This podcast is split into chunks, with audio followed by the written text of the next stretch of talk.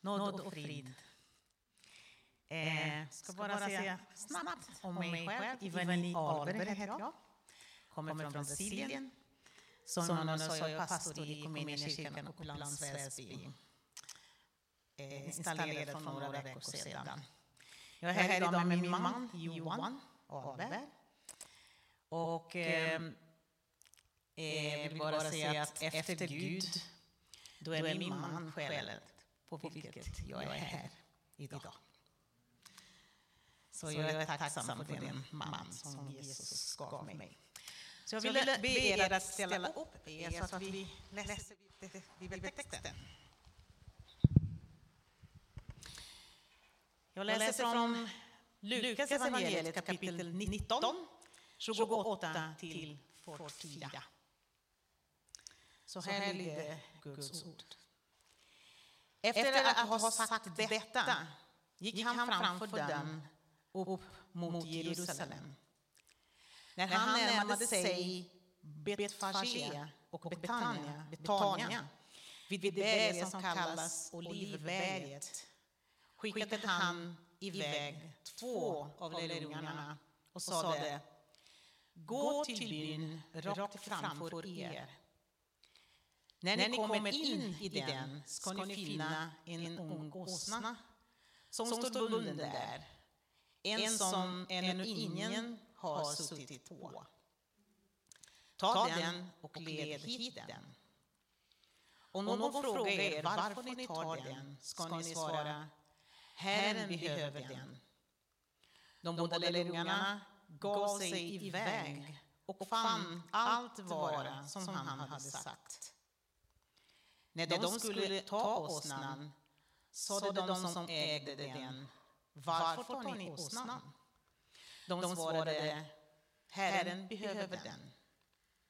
Och de ledde den till Jesus och lade sina mantlar på den och hjälpte honom upp. Där han kom ridande bred folk ut sina mantlar på vägen. Då han närmade sig staden och var på väg ner från Olivberget. Började hela skaran av lärjungarna av lärjungar i sin glädje. ljudligt prisa Gud för alla de underverk de hade sett. Välsignade är han som kommer, konungen i Herrens namn. Fred i himlen och ära i höjden. Några fariséer i folkmassan sade till honom Mästare, säg åt dina lärjungar att sluta. Han svarade, jag säger er att om de tiger kommer stenarna att ropa. När han kom närmare och såg staden började han gråta över den och sade Om du denna dag hade förstått, också du, vad som ger dig fred. Men nu är det fördött för dig. Det ska komma en tid då du får se dina fiender bygga vallar runt dig och omringa dig och ansätta dig från alla håll. De ska slå, slå dig och ditt folk till marken och de ska inte lämna sten på sten eftersom du inte förstod att intiden var inne för Guds besök. Låt oss be. Herre, jag öppnar mitt hjärta och böjer mig under din starka hand. Låt helighetens ande vila över mig så att jag i allt kan känna och förhärliga dig. Amen. Varsågod och sitt.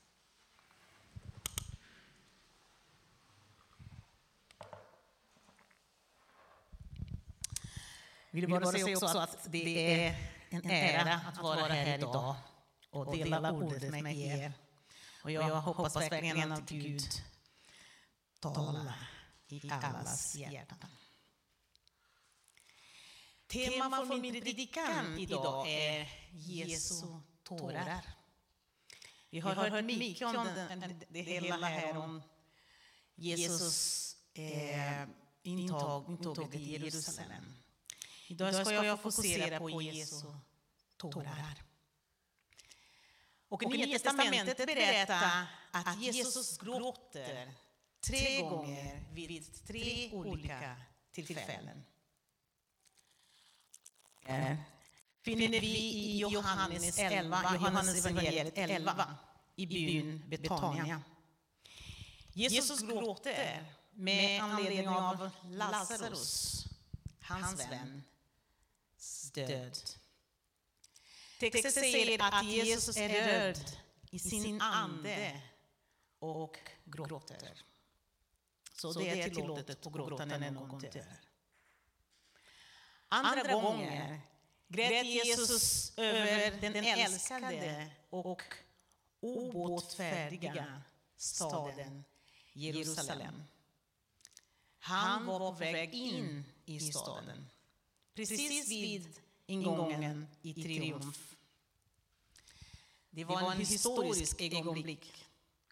Det var ett väntat, väntade ögonblick.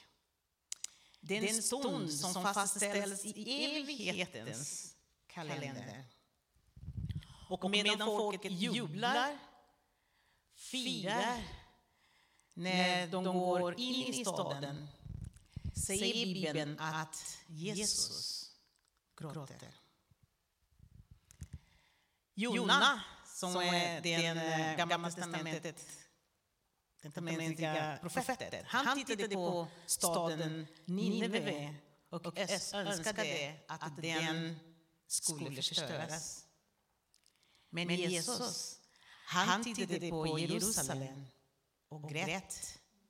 Och grät över att den staden hade förstört sig själv.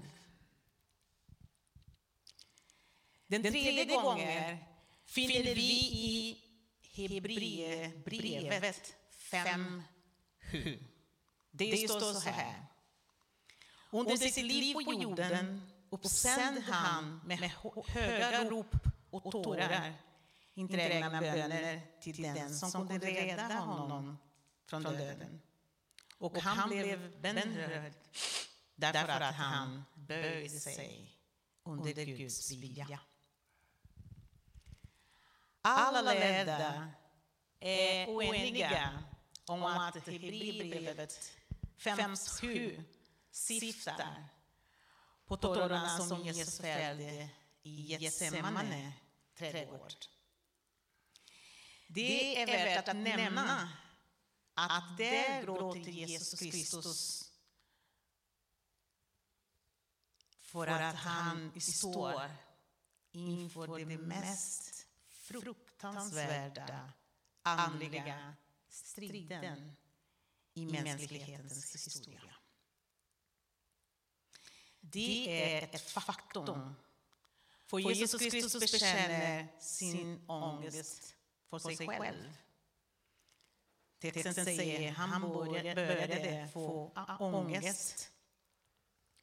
Sedan bekänner han sin ångest för sina lärjungar och säger Stanna hos mig, vaka. Jag är i dödsångest. Och han bekänner sin ångest för Fadern med tårar.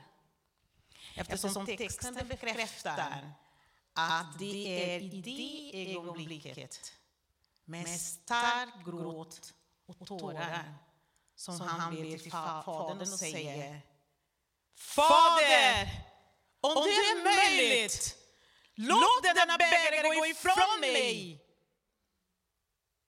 utan att jag dricker det. Annars sker din vilja.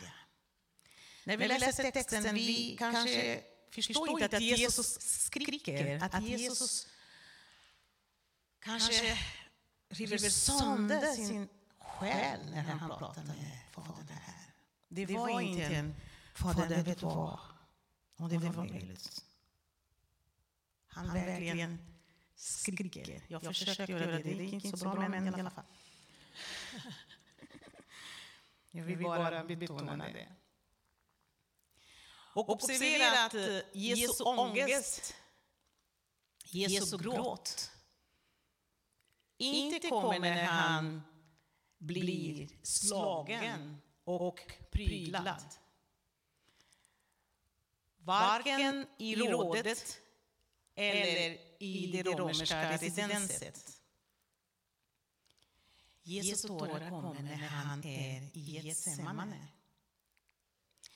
När han är mitt i den djupaste striden. Där han har en bägare framför sig. Och den bägare är exakt Guds heliga vrede som skulle falla över ditt och mitt huvud. Bibeln säger att han dricker denna kalk droppe för droppe. Under många tårar och svett av blod. Han gråter för oss, för vår frälsning. Men jag vill nu ägna mig åt en av de tillfället, tillfällen då Jesus gråter. Jag vill fästa er uppmärksamhet på det nittonde kapitlet i Lukas. Den, först, eh, den versen 41. Det står så här. När han, när han kom närmare och såg staden började han gråta över den.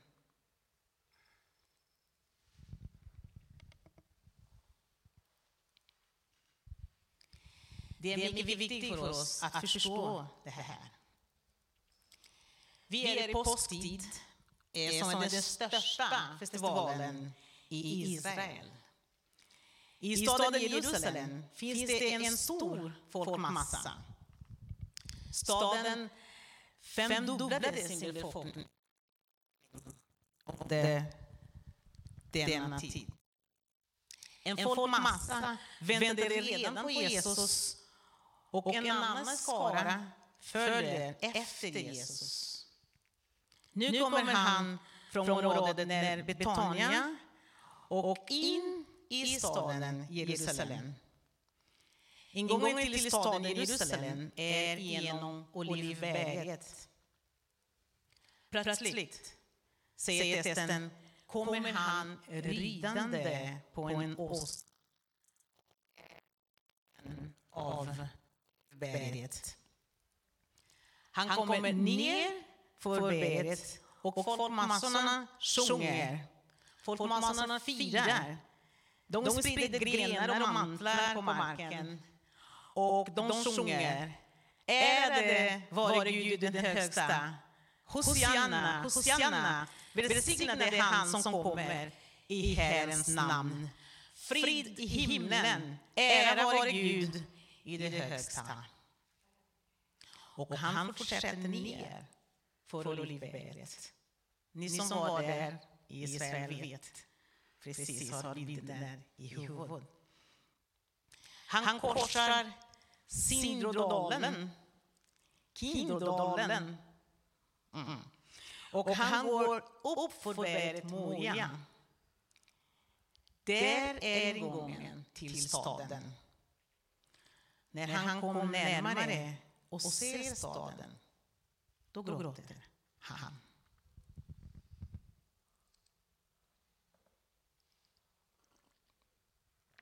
Ordet gråta här är mycket mer än bara grät. Det är en teknisk term för att säga att han grät tvångsmässigt. Riktigt med sukar och sniffningar. Och nu vill jag att vi, att vi tillsammans med mig observerar varför Jesus finner orsaker överallt att gråta. När han tittade tillbaka såg han alla möjligheter nationen hade missat. Hur många meddelanden? Hur många varningar? Hur många profetior? Läror? Många mirakel? Allt som den nationen hörde och fattade det, tog emot och upplevde. Men den nationen förkastade Guds nåd. Jesus gråter över detta. När han tittar inuti, vad ser han? Han ser blindhet. Han ser andlig okunnighet. Han ser folkets förhärdade hjärtan. De borde ha känt Kristus eftersom Gud gav dem ordet och sände sina profeter för att bereda vägen för Kristus. Går in i staden och han ska drivas ut ur staden fästas utanför stadens portar. Jesus gråter. När Jesus ser sig kring tittar han och ser de religiösa aktiviteterna som föråldrade. Templet så vackert, så pompöst. Förvandlad till en rövarhåla. Bönens hus blir en öppen marknad. En vidrig handel. De religiösa ledarna, fyllda av avund, ville döda honom. Han ser all denna religiösa prakt pryda en död kropp eftersom de inte hade någon kunskap om Gud. Allt var bara scen, teater. Ingen andlig verklighet. Och mer därmed. När Jesus tittade framåt, vad såg han? Han såg en fruktansvärd dom att falla över Jerusalem. Han såg profetisk att den vackra staden med det överdådiga inte skulle lämnas sten på sten. Ni behöver inte bry sig om ljudet. Var uppmärksam på ordet. Det är det viktigaste. Jag klarar mig utan mikrofon också. Han såg profetisk att Rom skulle invadera staden Jerusalem. De skulle trampa ner Jerusalems stad. De skulle tvinga flickorna och de unga männen i Jerusalem med svärd. De skulle trampa på de gamla. Staden och dess folk skulle utplånas, fördrivas och kastas över alla jordens nationer som krimskrams. Jesus blickar, blickar framåt och minns vad som stod skrivet. Han kom till dem som var hans, men hans egna tog inte emot honom.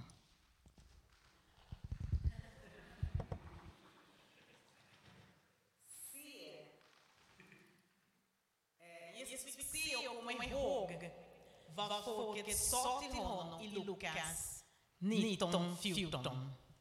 De sa, vi vill inte att den här mannen ska regera över oss. Han ser en framtid där folket skriker. Hans blod var över oss och över våra barn.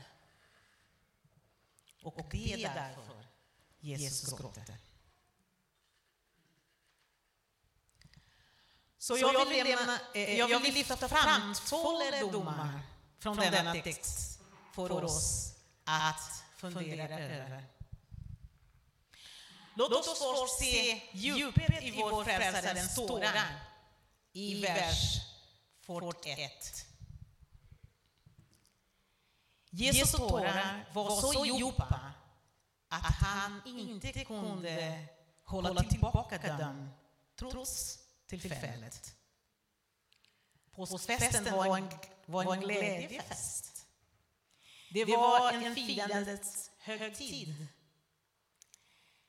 Vill, eh, vid denna högtid mindes de befrielse från Egyptens bittra träldom. Vid denna högtid offrade varje familj ett lamm. Varje familj gjorde osidat bröd. Varje familj samlade bittra örter.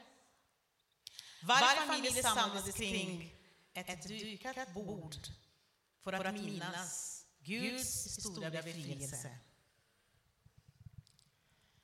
När Jesus kommer in i staden är det en stämning av firande, fest, glädje, ära till Gud i det högsta höjder, säger de.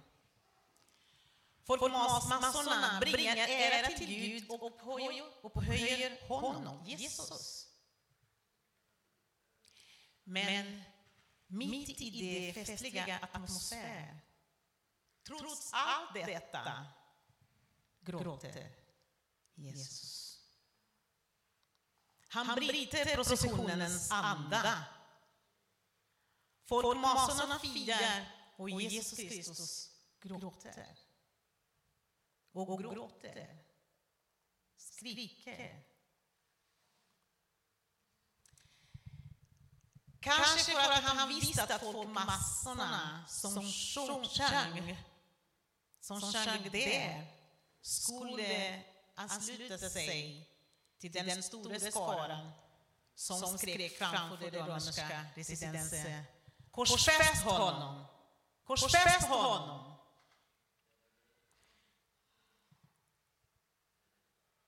Jesu tårar var så djupa att de övervann alla an, andra naturliga känslor. Tänk med mig, Jesus som tittade på Jerusalem, han kunde ha kommit ihåg skönheten i staden. Dess vackra historien. Han kunde komma ihåg det David gjorde staden till Israels huvudstad. Eller när Salomo utvecklade staden till dess fulla ära genom att bygga det majestätiska, majestätiska templet.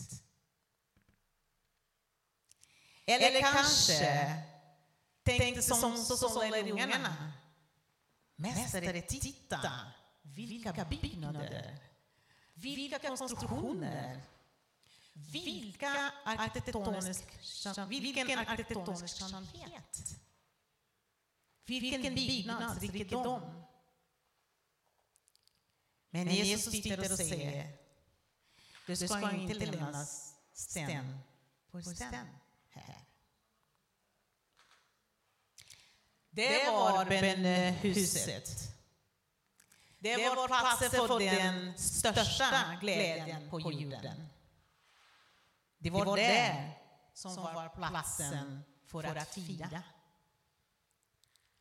Men trots allt dessa fantastiska verk som Jerusalem kunde uppvisa gråter Jesus Kristus över Jerusalem. Suckar och sniffar över Jerusalem. Här finns mer för att lägga märke till. Han gråter inte för sin egen skull. Han säger till Jerusalems kvinnor, Jerusalems döttrar, gråt inte över mig, gråt över er själva och över era barn. Han gråter inte för att han kommer att lida, inte för att han kommer att bli piskad, dömd till döden på ett kors. Han gråter inte över att han kommer att behöva bära ett tungt trästycke mitt i en upphetsad folkmassa. Eller inte heller inför att han kommer att bli arresterad, arresterad. Eller upphängd mellan jord och himlen. Han gråter över folket.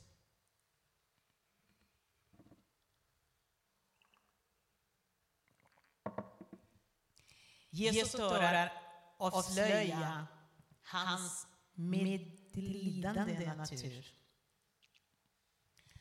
älskade bröder och systrar.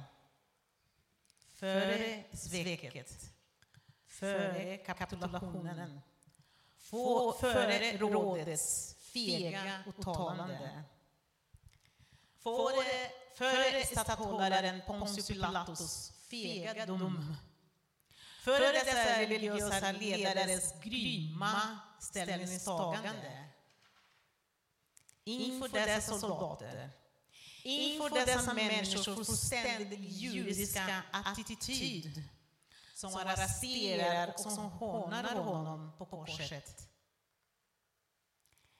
Han kunde ju bringa vrede. Han kunde förgöra dem med sin rättvisa, med sin heliga vrede. Men han föredrar att gråta för staden i medlidande. Han är Gud, Immanuel. Han är Gud som berörs även av människors, människor med förhärdade hjärtan. Och som profeten Hosea sa, hur skulle jag kunna släppa dig ifrån hur skulle jag kunna överge dig, Israel? Mitt hjärta är i uppror. All min medkänsla väcks. Det är vår Gud.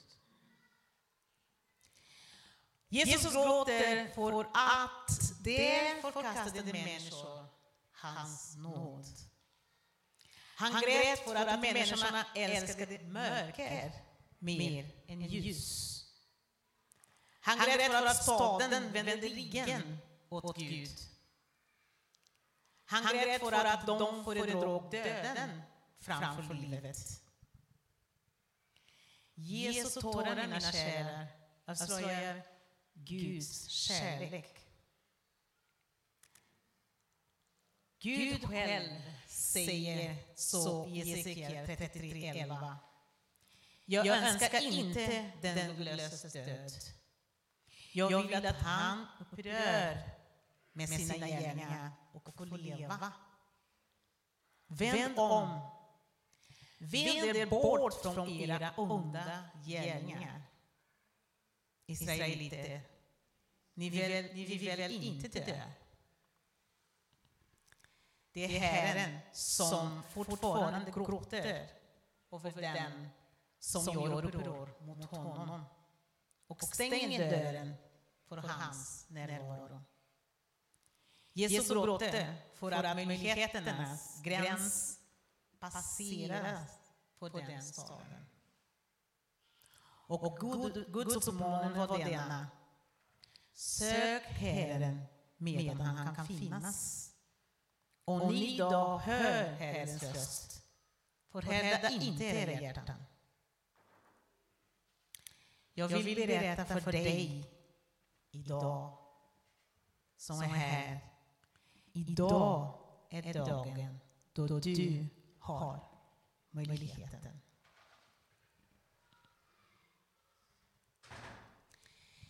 Jesus tårarna borde uppmuntra oss att, få, att lita, förlita sig helt på honom.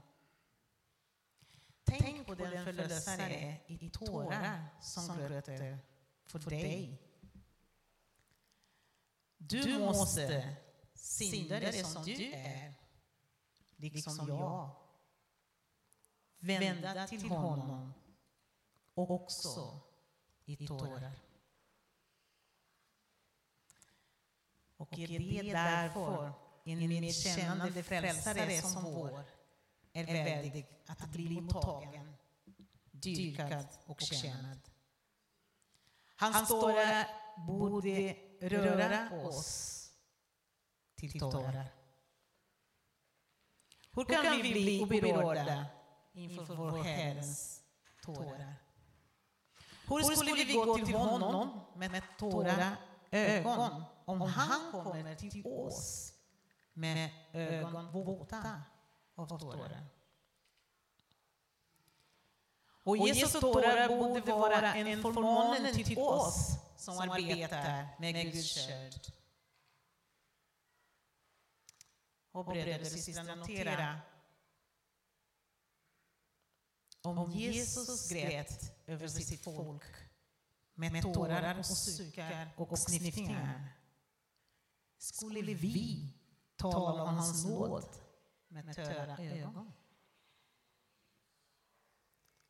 Vårt stora problem är att vi har predikat med ögon som är för tårar. Med hjärtan som är för tårar. Med själar som är för tårar.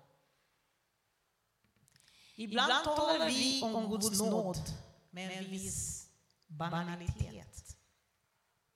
Ibland talar vi om himlens härlighet och helvetets fasor utan tårar i ögonen. Utan ett brustet hjärta. Vi har att göra med människors eviga öde. De går antingen till evig lika eller evig fördömelse. Och vi pratar med dem utan känsla av brådska. Ingen känsla av medkänsla. Inga tårar i våra ögon. William Booth, Booth. Frälsningsarméns fader, fader, han skickade missionärer till de mest, mest avslägna regioner i Europa. Och han fick en gång ett brev från en missionär som sa så här. Här finns ingen hopp. Här finns ingen chans till framgång för det evangeliska arbetet. Människor är väldigt förhärdade. Det är bättre att ta mig härifrån och skicka mig till en annan fält. Jag har provat alla metoder. Jag har redan tömt alla resurs, resurser och utan resultat. Jag ser ingen omvändelse här. Bob skrev till denna missionär så här. Har du prövat alla metoder? Försök då att gråta. Jesus tårar uppmanar oss till tårar, till gråt, till brustenhet. Men Jesus tårar visar oss också hur syndare borde närma, bör närma sig honom. Det var profeten Joel som sa Nu säger Herren ska ni vända er till mig med uppriktigt hjärta under fasta, gråt och klagan. Jag vet inte när det var, när det var senaste gången du och jag såg någon vända sig till Gud med gråt. Inte med itte-gråt, utan med djup gråt. Övertygelse om synd, omvändelse och brustenhet. Vi är en ytlig generation. Vi gråter över futiliteter, över, över melodramer, melodramer. Men många gånger gråter vi inte över omfattningen, över det avskyvärda i vår synd. Vi saknar insikt för vår synd. Vi saknar äkta gråt.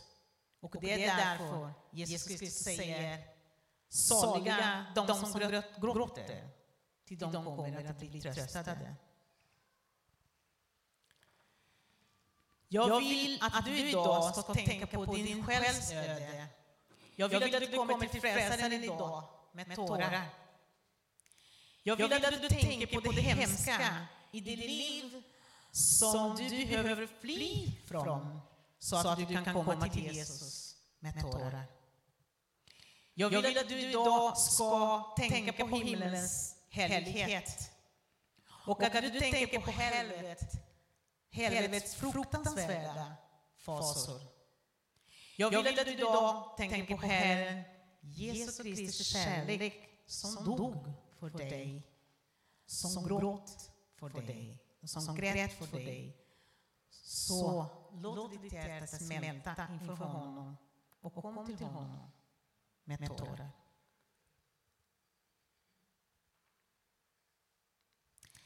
Men jag vill nu ta upp den andra aspekten av denna predikan som är kontemplationen av djupet. Inte i Herrens känslor, utan av hans ord. Jesus beklagar felet som gjorde att de, som gjorde att de gick under. Vers 42 säger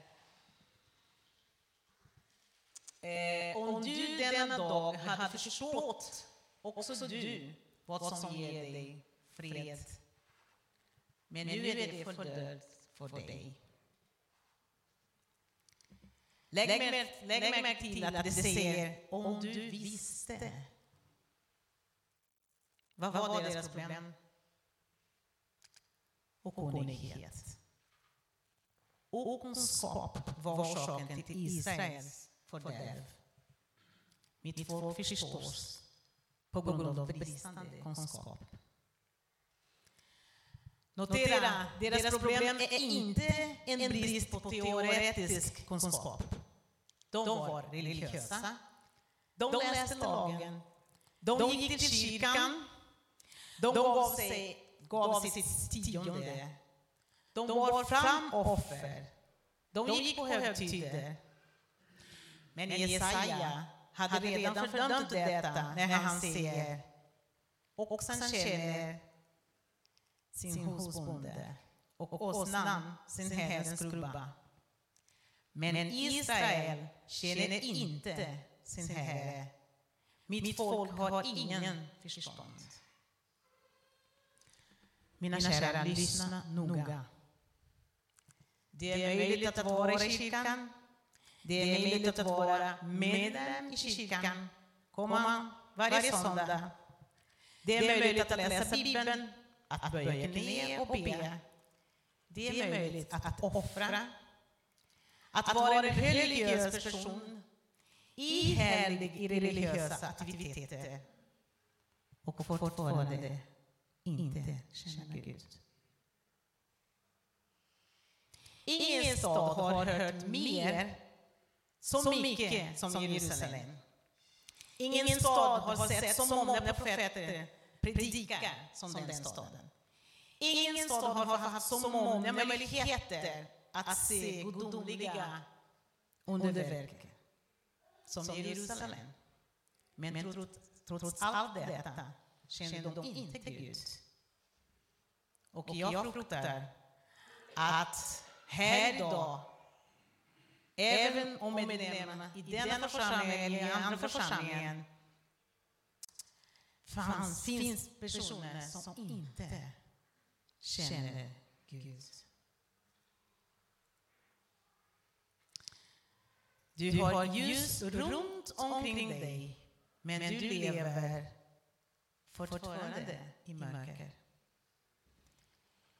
Jag fruktar att många här känner till, känner till sanningen, men inte vandrar enligt sanningen.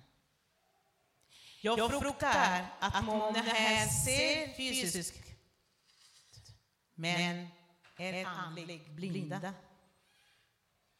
Jag fruktar att många här har hört och hört och hört Guds ord om och om igen.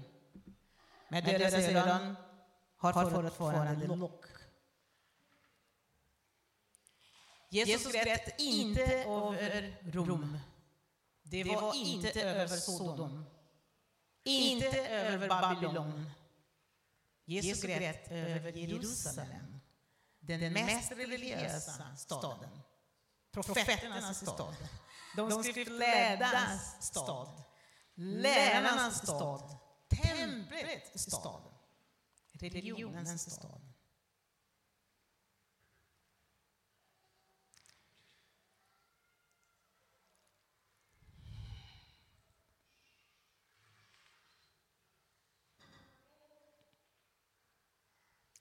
Låt oss tänka nu på oss. Är det inte en stor fara och en stor risk att du eller jag som är född, född i ett kristet hem, som har växt som du som växt upp med Guds ord, som har gått till kyrkan sedan barnsben, eller du som har kommit till kyrkan ofta, du som kan skrifterna eller till och med har tillgång till det. och läser Guds ord ofta. löper du fortfarande risken att trots allt detta missa de stora tillfällen att verkligen överlämna ditt hjärta, hjärta till Herren Jesus. Det är så många, men så många som är nära riket, men kommer inte in i riket. De är som Jerusalem som skjuter upp mötet med Gud.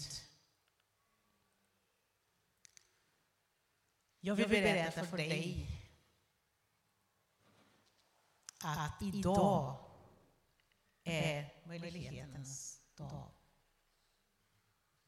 Jesus är här idag och vill ditt hjärta. Han vill inte att du ska komma hit bara för att det är kul. Och himlen, himlen är på riktigt. Och det är helvetet också. Låt dig inte luras. Vi pratar så sällan om helvetet. Vi vill höra om de goda nyheterna. och tack Gud till Gud för det.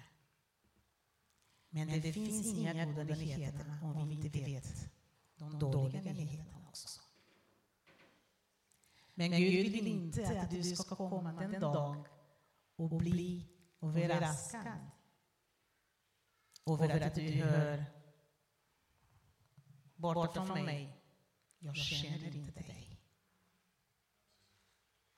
Gud vill att du ska höra Kom till mig. Jag vet vem du är.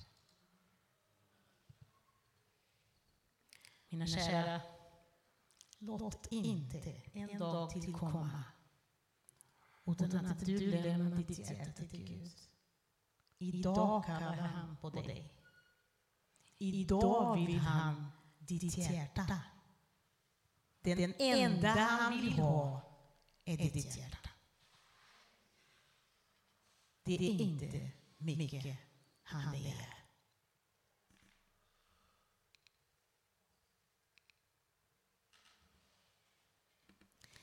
Jerusalem utnyttjade inte tiden vid Guds besök.